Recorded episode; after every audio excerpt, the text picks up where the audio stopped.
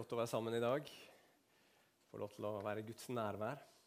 Tenk på det. At vi kan eh, komme nær den Gud som er hellig og opphøyd, og som eh, bor i et lys der ingen kan komme, står det. Han får vi lov til å komme nær. Vi skal eh, fortsette vi med serien vår og snakke fra andre Mosebok. Hvis dere har fulgt med, er det et problem? Lenger fram. Sånn, ja. Det blir bedre. Vi skal fortsette der hvor vi slapp sist gang. Vi var ved Sinai-fjellet, husker dere det? Gud har brakt sitt folk ut av Egypt, ut av slaveriet, gjennom Rødehavet, gjennom ørkenens prøvelser og vanskeligheter. Og Nå har de kommet til Sinai-fjellet, og der får de møte en hellig Gud med hellig kjærlighet, hellig renhet og majestet. Og så får de møte han, se han på en måte, eh, erfare hans storhet. Uh, og så er det Moses da som går opp på fjellet for å møte han. De trenger en mellommann. De kan ikke møte han direkte, de trenger en mellommann. Og så er det Moses som går opp på fjellet. Og nå får vi høre det som Moses tar imot der på fjellet, nemlig de ti bud. Og Dere kan slå opp i andre Mosebok i dag, kapittel 20. Og så skal vi lese fra vers 1 til 11 i dag. Andre Mosebok 20, vers 1 til 11. Og Der står det Gud talte alle disse ordene og sa, Jeg er Herren din Gud, som førte deg ut fra landet Egypt, ut fra slavehuset. Du skal ikke ha andre guder enn meg. Du skal ikke lage deg noe utskåret bilde, noen etterligning av noe som er i himmelen der oppe, eller på jorden her nede, eller som er i vannet under jorden. Du skal ikke falle ned og tilbe dem eller tjene dem, for jeg, Herren din Gud, er en nidkjær Gud, som hjemsøker fedrenes skyld på barna i tredje og fjerde slektsledd når de hater meg, og som viser barmhjertighet mot tusen slektsledd når de elsker meg og holder mine bud. Du skal ikke misbruke Herren din Guds navn, for Herren vil ikke holde den uskyldig som misbruker hans navn. Husk på hviledagen, så du holder den hellig. Seks dager skal du arbeide og gjøre all din gjerning, men den sjuende dagen er sabbat for Herren din Gud. På den dagen skal du ikke gjøre noe arbeid, verken du, din sønn eller din datter, din tjener eller din tjenestekvinne, din buskap eller den fremmede som bor innenfor dine porter.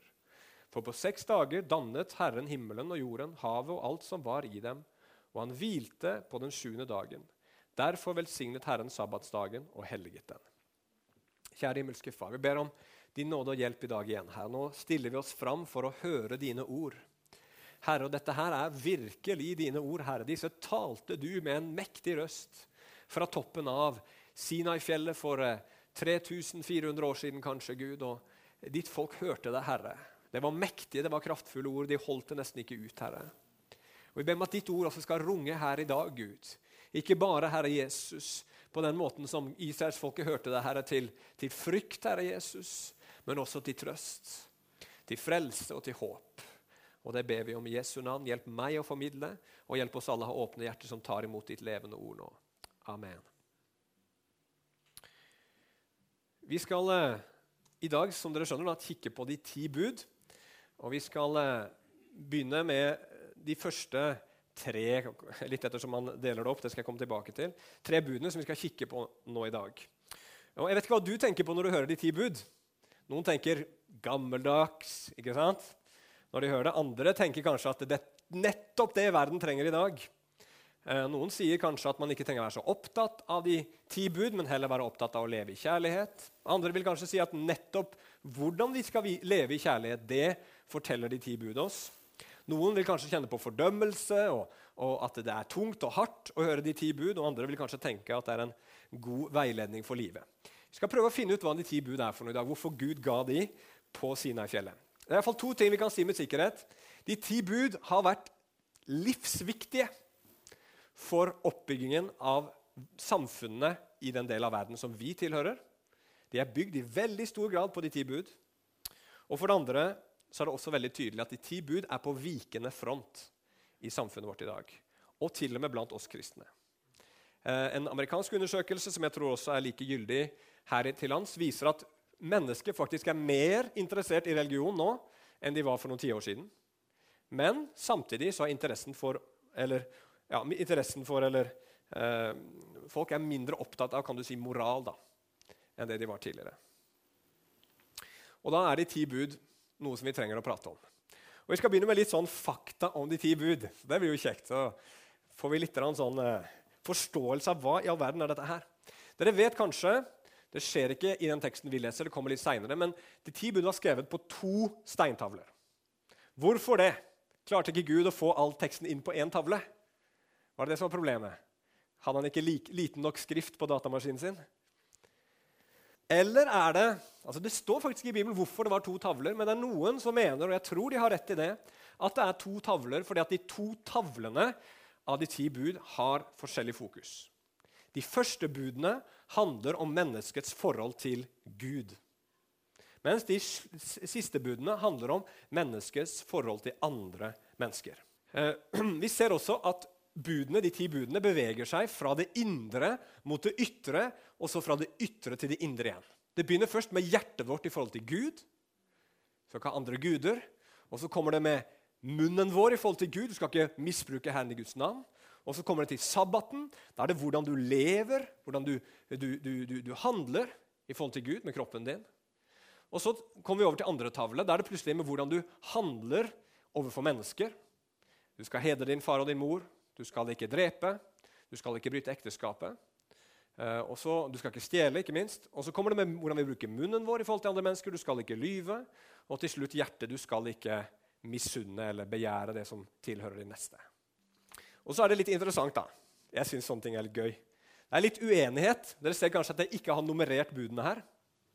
Det er litt uenighet om hva, hvilket bud som er hvilket nummer. Her til lands så er det veldig vanlig å gjøre disse to punktene her. Du skal ikke ha andre guder enn meg, og du skal ikke lage noe bilde og tilbe det til første bud.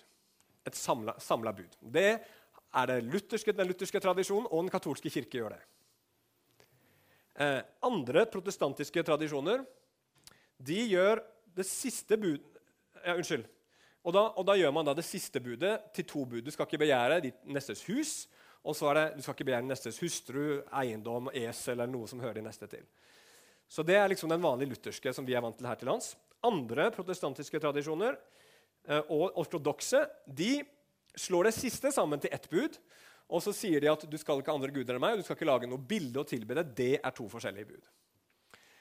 Men så har du jødene. Hva gjør de, tro? Jo, de gjør noe helt annet. De kaller det ikke for de ti bud, men de kaller det for de ti ord.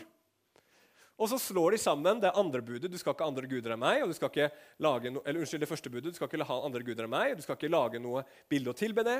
Og det siste budet, du skal ikke begjære hus og andre ting, de to slår de sammen. Og så sier de at det første ordet, ikke det første budet, det er det som står helt øverst i det vi leste, nemlig 'Jeg er Herren din Gud, som førte deg ut av landet Egypt'. Og vet dere hva? I Bibelen så kalles de ti bud aldri for de ti bud.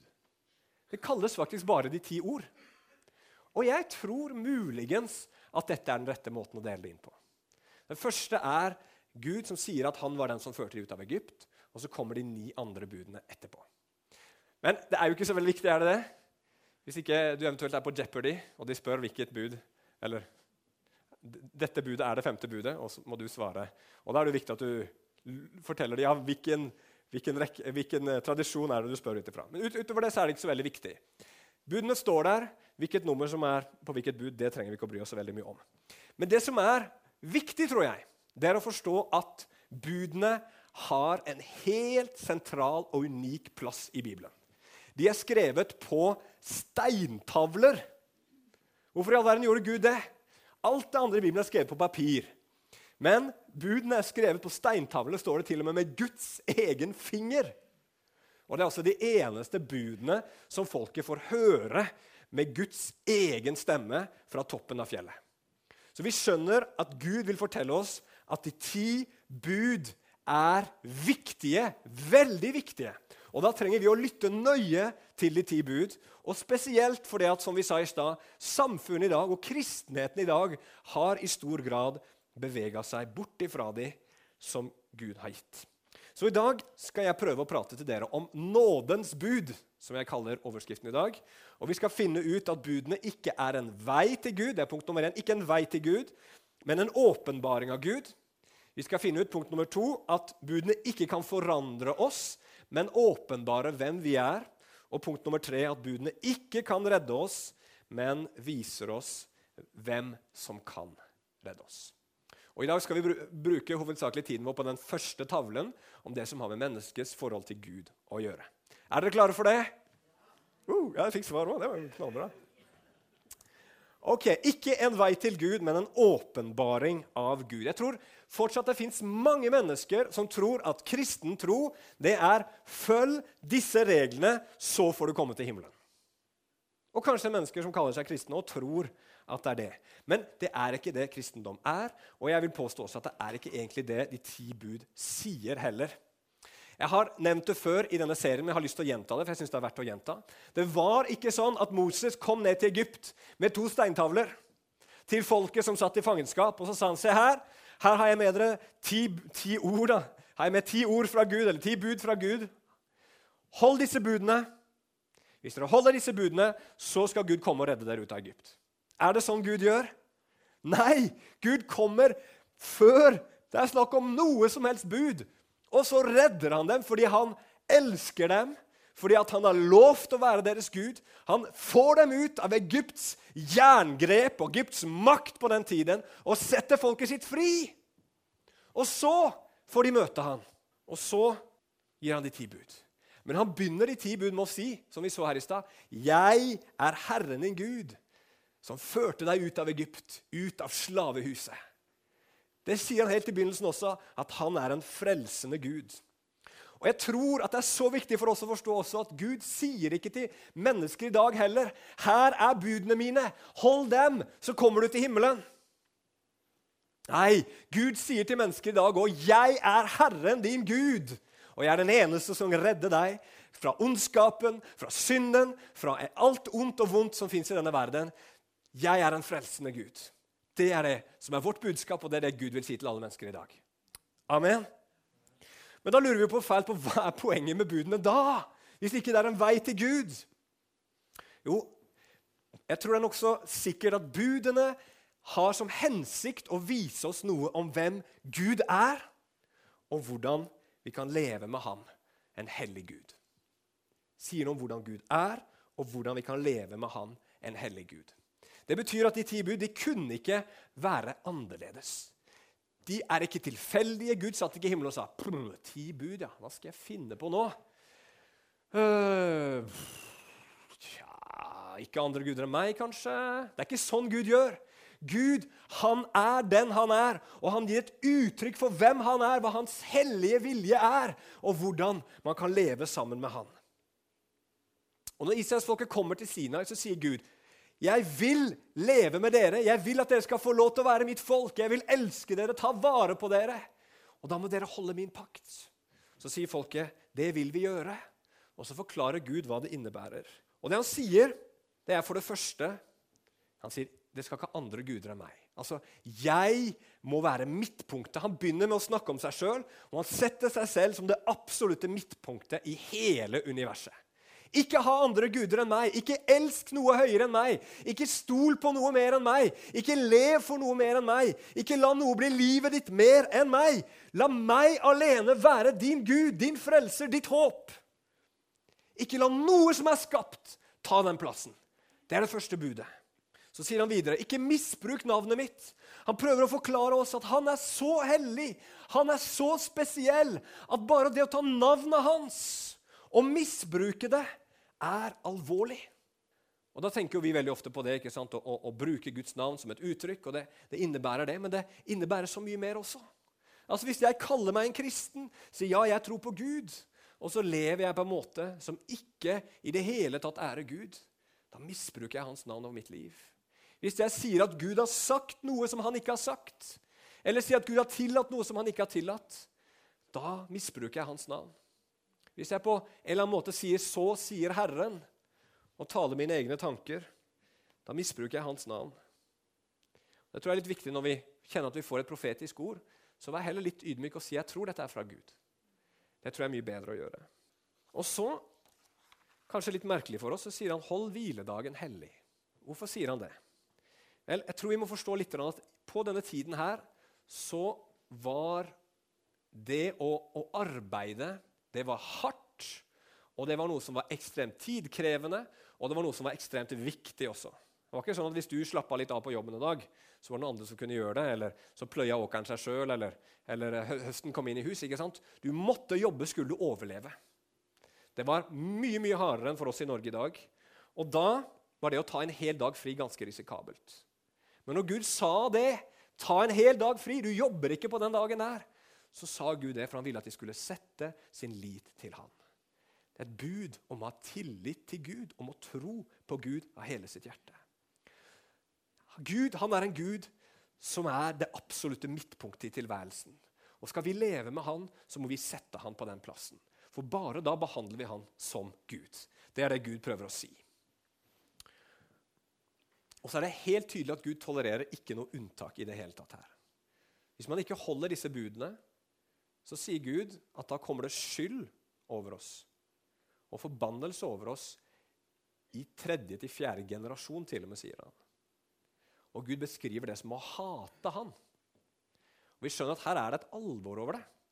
Dette er nokså tunge, krevende ord. Det er kanskje derfor vi ikke er så veldig glad i å snakke om de ti bud. Og så er det jo mange som tenker i dag, ikke sant? og kanskje vi kan få den tanken litt sjøl Det var da veldig da, Gud. Skal du liksom være midtpunktet alltid, du? Veldig så selvopptatt du er. Ja, ja, ja.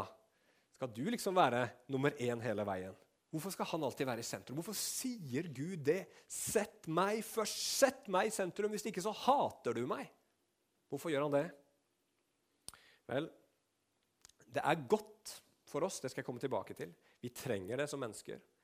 Men først og fremst så er det fordi at det er rett. Det er rett. Jeg skal prøve meg på en svak illustrasjon. Dette her er jo umulig egentlig å illustrere, men tenk deg da at du feirer din 50-årsdag. For noen så er det veldig fjernt, for andre så er det et vagt minne. Men tenk deg at du feirer din, din 50-årsdag, ikke sant? og så har du da jobba i flere måneder med å eh, skaffe et lokale, du har invitert gjester, du har eh, ordna med underholdning, bestilt mat, du har skrevet en tale. Du har liksom gjort alt sammen for at denne, eh, denne festen skal bli en fin bursdagsfest for deg. Så kommer du til bursdagsfesten og oppdager at en annen kupper hele bursdagsfesten din.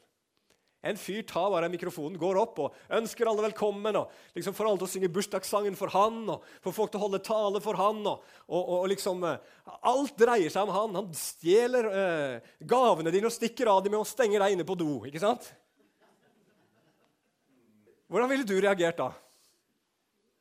Det hadde ikke vært noe særlig. Hvordan ville andre folk reagert hvis de hørte at en fyr kuppa 50-årsdagen til en annen? Dere skjønner poenget. Det vi gjør når vi ikke setter Gud på den plassen han fortjener, det er mye verre. For Det er ikke bare sånn at han har laga i stand en liten, fin fest for oss, men han har skapt alt. Det er han som er opphavet til alt som eksisterer. Det er han som er opphavet til din eksistens. Vi skylder han absolutt alt. Og så setter vi ham på sidelinjen, og så setter vi oss sjøl i sentrum og tar den ære og den, eh, den eh, ja, oppmerksomhet som han fortjener, til oss sjøl. Er det rett? Nei, det er ikke rett.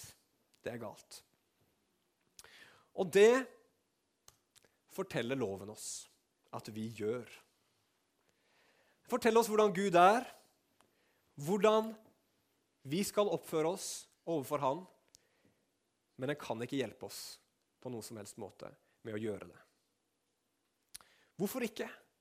Hvorfor kan ikke loven hjelpe oss? Hvorfor holder det ikke for Gud å bare si 'lev sånn', og så gjør vi det? I Romerbrevet 7-1 så sier Paulus, når han snakker om budene hva skal vi da si? Er loven synd? På ingen måte. Men jeg hadde ikke lært synden å kjenne uten ved loven. For jeg hadde ikke kjent til begjæret om ikke loven hadde sagt, 'Du skal ikke begjære'. Men synden, som tok anledning av budet, virket all slags begjær i meg. For uten lov er synden død. Jeg levde en gang uten lov, men da budet kom, våknet synden til live, og jeg døde. Og slik fikk jeg erfare at det budet som skulle gi liv, det ga meg død. For synden tok anledning av budet og bedro meg, og ved dette drepte den meg. Hva er det han sier her? Han sier at det er ikke noe galt med loven. I vers 12 som følger, sier han for loven er god, og budet er rett, og det er hellig. Det er godt alt sammen. Det er ikke noe galt med loven til Gud i det hele tatt, men det er noe galt med meg. Loven den var ment å gi liv. På den måten kan man kanskje si at loven på en måte er en vei til Gud. Men vi klarer jo ikke å gjøre det. Vi har ikke sjans i havet til å følge den loven som Gud har gitt oss på grunn av våre syndige hjerter, står det i Bibelen. Når loven sier 'sånn må du leve framfor en hellig Gud', dette må du gjøre, dette må du ikke gjøre, så er det et eller annet inni deg og meg som sier at det skal jeg i hvert fall gjøre, og det skal jeg i hvert fall ikke gjøre. Så kommer det et opprør på innsiden som vil gjøre det motsatte av Guds vilje. Det er synden i oss. Og så dør vi. Det finnes i hvert eneste menneske et opprør mot Gud. Og når loven kommer og forteller oss hva som er rett, så gjør vi opprør på innsiden. Og så dør vi. Vi havner under den forbannelse og den skylden som vi leste om i de ti bud. Og Det er en dobbel tragedie. Det er en tragedie fordi det, det, det, det, gir ikke Gud den æren han fortjener. Men det er også en tragedie fordi det ødelegger oss og andre mennesker. For å si det sånn at vi ikke har Gud som eneste Gud, det vil jeg påstå er roten til all ondskap i denne verden. Våre problemer personlig, våre problemer i familien, våre problemer i våre lokalsamfunn, i våre land og internasjonalt Alt dette her kommer og bunner i at vi har andre guder enn Gud. Og Jeg har sagt det så mange ganger før, men jeg gjentar det nå, for jeg trenger å høre det det er det at du og jeg vi har et hull i hjertene våre. Vi har et hull i hjertene våre hvor Gud skal ha sin plass. Og når Gud ikke er på den hjerteplassen, på, på tronen i våre liv, i sentrum, så er det som et vakuum der. Som gjør at det rommet der bare suger til seg et eller annet annet. Og da blir det et eller annet som Gud har skapt, som havner på den plassen der. Og når noe annet enn Gud kommer inn og får førsteplassen i livene våre, da ødelegger det oss, det ødelegger menneskene rundt oss, og det ødelegger verden. La oss ta ett eksempel. Eller jeg har et par, faktisk. Men la oss ta ett eksempel, da. Jeg vet ikke om dere husker at jeg, jeg brukte et akronym, tom veg, en gang, om hva en gud er for noe. TMVG. Trygghet, mening, verdi, glede. Hva er det du har din trygghet, din mening, din glede og din verdi i? Det er din Gud. Og La oss tenke at familie blir det da, som jeg forsøker å finne min trygghet, mening, verdi og glede i. Hva skjer da? Jo, da skjer det at hvis familien får den plassen, så står jeg i fare for å ødelegge. Jeg kan ødelegge andre gjennom at jeg passivt bare setter familien hele veien på førsteplass og ikke ser andre behov rundt meg og hjelper mennesker fordi at det kan komme i veien for familiens velvære eller økonomi. Men det kan også skje aktivt. Det finnes noen ganger sånn at foreldre er i stand til å sette ut rykter, til å baksnakke, i stand til å faktisk mobbe andres barn for å forsvare sine egne barn. Hva er det som skjer da? Jo, da blir familiens rykte, barnas rykte, familiens ære så viktig at alt nærmest blir tillatt. Og det skjer. Det skjer rundt omkring. Familien kommer, kommer på en plass hvor den skal beskyttes og forsvares for enhver pris. og Da begynner vi å bryte andre bud istedenfor. Eller så går det an å ødelegger familien sin når du setter ham på den plassen. Hvorfor tror det noen foreldre noen ganger forkaster barna sine? Hvor man liksom bare vil ikke ha noe med barna sine å gjøre. Jo, det er veldig ofte fordi barna har skuffa. ikke sant? Barna har ikke levd opp til mine forventninger. Du ble ikke sånn som jeg ville du skulle være. Man sier at man forventa noe av barna som de aldri kunne gi. Gi meg bekreftelse på at, god, gode, at vi er en fin familie, for eller at jeg er god for, god forelder. eller hva det skulle være. Og så blir det bedre å si nei, du er ikke min sønn, du er ikke min datter. For, for, for, for å liksom beskytte og bevare den, den, det, det, behovet for at familien skal bekrefte en. Eller Noen ganger er det barna som stikker av, for de orker ikke det presset og skulle hele tiden bekrefte sine foreldre. Uansett så blir det ødeleggelse. Når du setter noe i sentrum av livet ditt som ikke er Gud, så bringer det ødeleggelse. Eh, I dag så leste jeg et avisinnlegg i Aftenposten fra noen eh, ganske kjente personer i Norge som mente virka det som, at vi burde eh, rett og slett eh, legge vekk demokratiet nærmest i Norge for at vi skulle få eh, eh, redde oss selv fra den miljøkatastrofen som vi er i ferd med å bygge opp. Altså Man sa la oss avskaffe nærmest demokratiet for å redde oss selv. Hva er det som skjer da? Jo, da blir, sant, da blir miljøet en gud. Hvor miljøet blir så viktig at vi er villige til å gå på kompromiss med andre viktige verdier, sånn som f.eks. frihet og demokrati. Er dere med?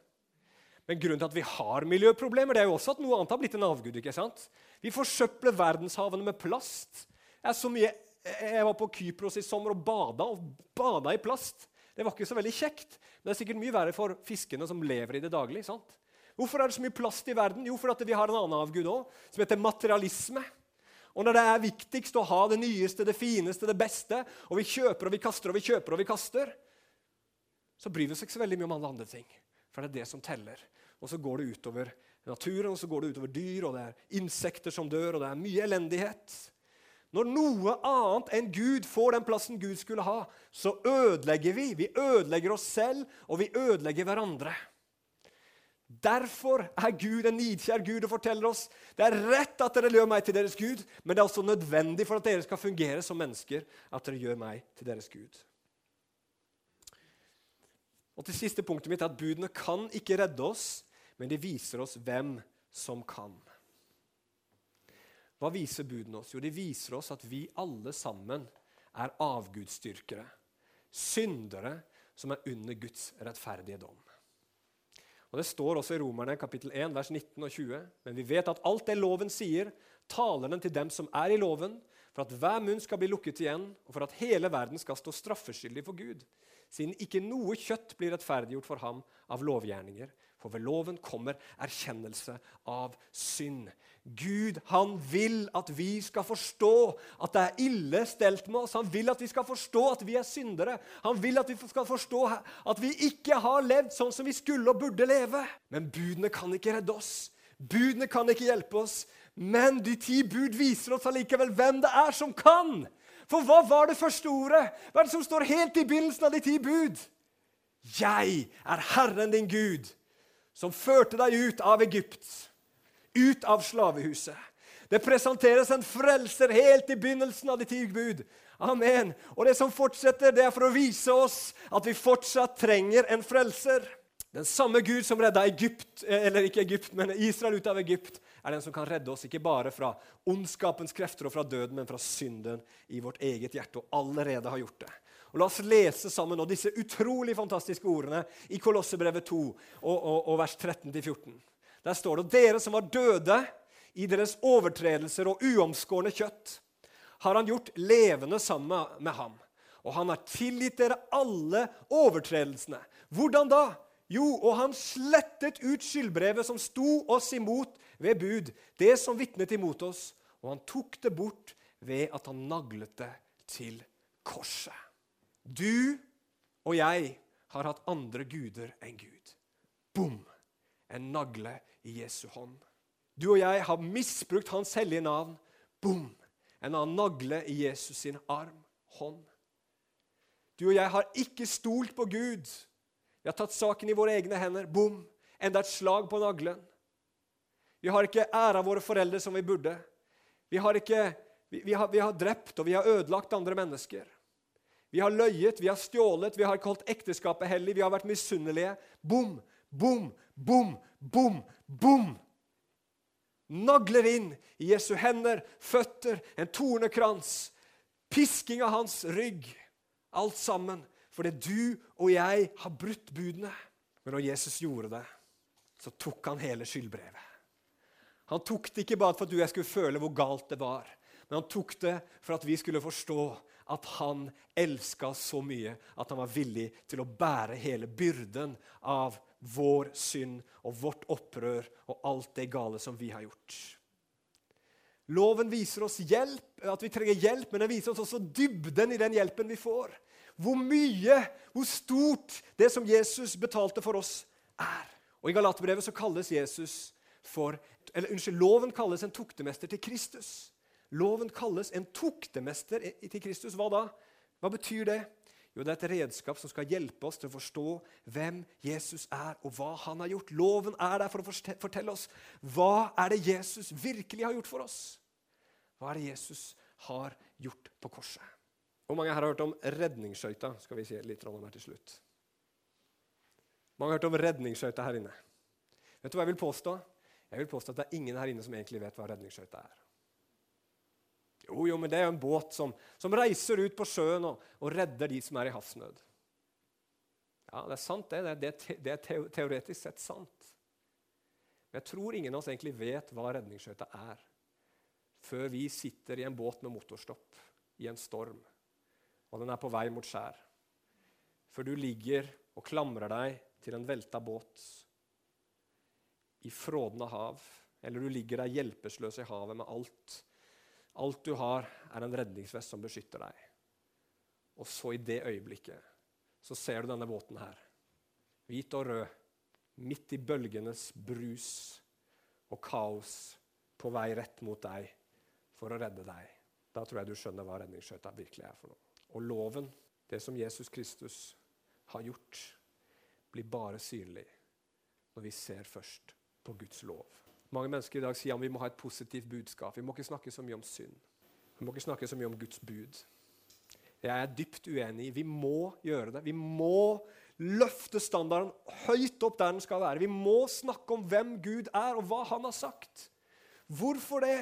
Jo, for at vi skal forstå at vi er der, i det frådende havet, med en redningsvest som ikke holder, og er på vei å synke ned i vår egen synd og skam, er under dom, rettferdig dom for alt det gale vi har gjort, sånn at korset kan stråle imot oss, sånn at vi kan forstå hva korset virkelig er. Korset er ikke bare et fint budskap om at det fins en Gud der oppe som elsker meg.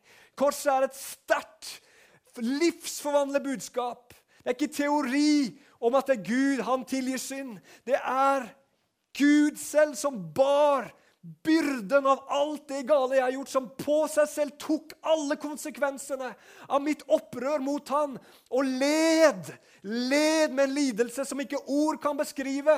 Da han ropte ut på korset, 'Min Gud, min Gud, hvorfor har du forlatt meg?' Det var ikke bare naglene, det var ikke bare blodet, det var ikke bare piskene, men det var at han ble forlatt av sin far og bar den fulle konsekvensen av vår synd, som åpenbarer for oss hva korset er. Og Hvis ikke du og jeg ser det, hvis vi bare kjenner til teorien om korset, men ikke merker at vi trenger det, vi trenger det desperat Det finnes ikke noe håp i våre liv utenom Jesu Kristi kors. Så blir det ikke noe nytt liv av det. Så blir det ingen helhjerta omvendelse. Så blir det ikke noe hat mot synden. Så blir det ikke noe vilje til å følge Jesus også når det er krevende og vanskelig. Så blir det ikke noe vilje til å ta opp sitt kors og følge Han. Men når vi ser, men når vi ser korset, fordi vi skjønner hvem vi er, og hvordan det står til med oss, da vekkes hjertene våre til kjærlighet, til lovprisning, til tilbedelse, til disippelskap. Ja, Jesus, du har redda meg, du ga meg alt. Hva kan jeg gjøre for deg nå, Jesus? Hvor kan jeg følge med deg? Send meg til jordens ytterste ende om du vil. Jeg går, Jesus, for du har gått mye lenger for meg. Du har betalt mye mer for meg enn det jeg noensinne kommer til å kunne betale. Skjønner dere hvor nådig Gud er? Han gir oss disse budene Han gir oss disse budene så klart og tydelig. Han forteller oss alvoret i det så klart og tydelig. At han skal vise oss hvor stor hans nåde er. Hvor dyp hans kjærlighet er. Hvor mye han er villig til å gi for å redde deg og meg. Sånn at vi kan bli frelst. Sånn at vi kan ta imot og si 'Jesus, ja'. Du skal være mitt liv. Jeg vil ikke ha noen andre guder enn deg, Jesus. Jeg vil bare tjene deg.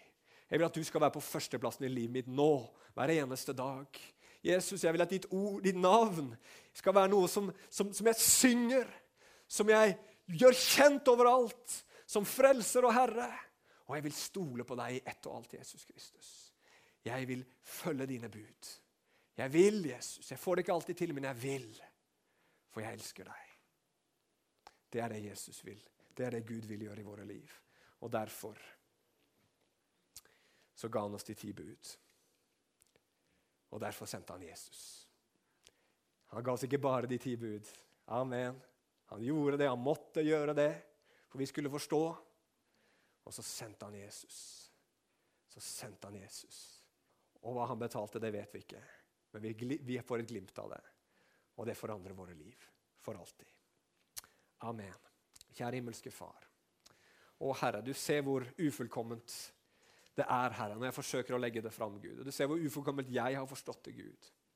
Men jeg ber, kjære Hellige Ånd, grip våre hjerter i dag, Herre. Hjelp oss å forstå, Herre, så vi kan bli fri til å tjene deg, Herre. Halleluja. Å Gud, ser, Vi er så bekymra for, for, for så mange ting Herre. Vi er så bekymra for hva mennesker sier og tenker og mener. Herre. Vi tenker så mye på dette livet, Herre Far. Men Jesus, når vi ser korset, Herre, da blir det frihet. Da blir det frihet, Herre. Da blir det frihet å leve for deg. Frihet til å følge deg. Frihet, Herre Jesus, til å møte vanskeligheter, fristelser, på en helt annen måte. Og Herre, jeg ber om at du skal åpenbare for oss nå, Herre, det vi går inn i nattverden, Gud. Herre, må du velsigne kalken. Må du velsigne brødet, Herre Jesus. Må du tale til oss gjennom det, Herre.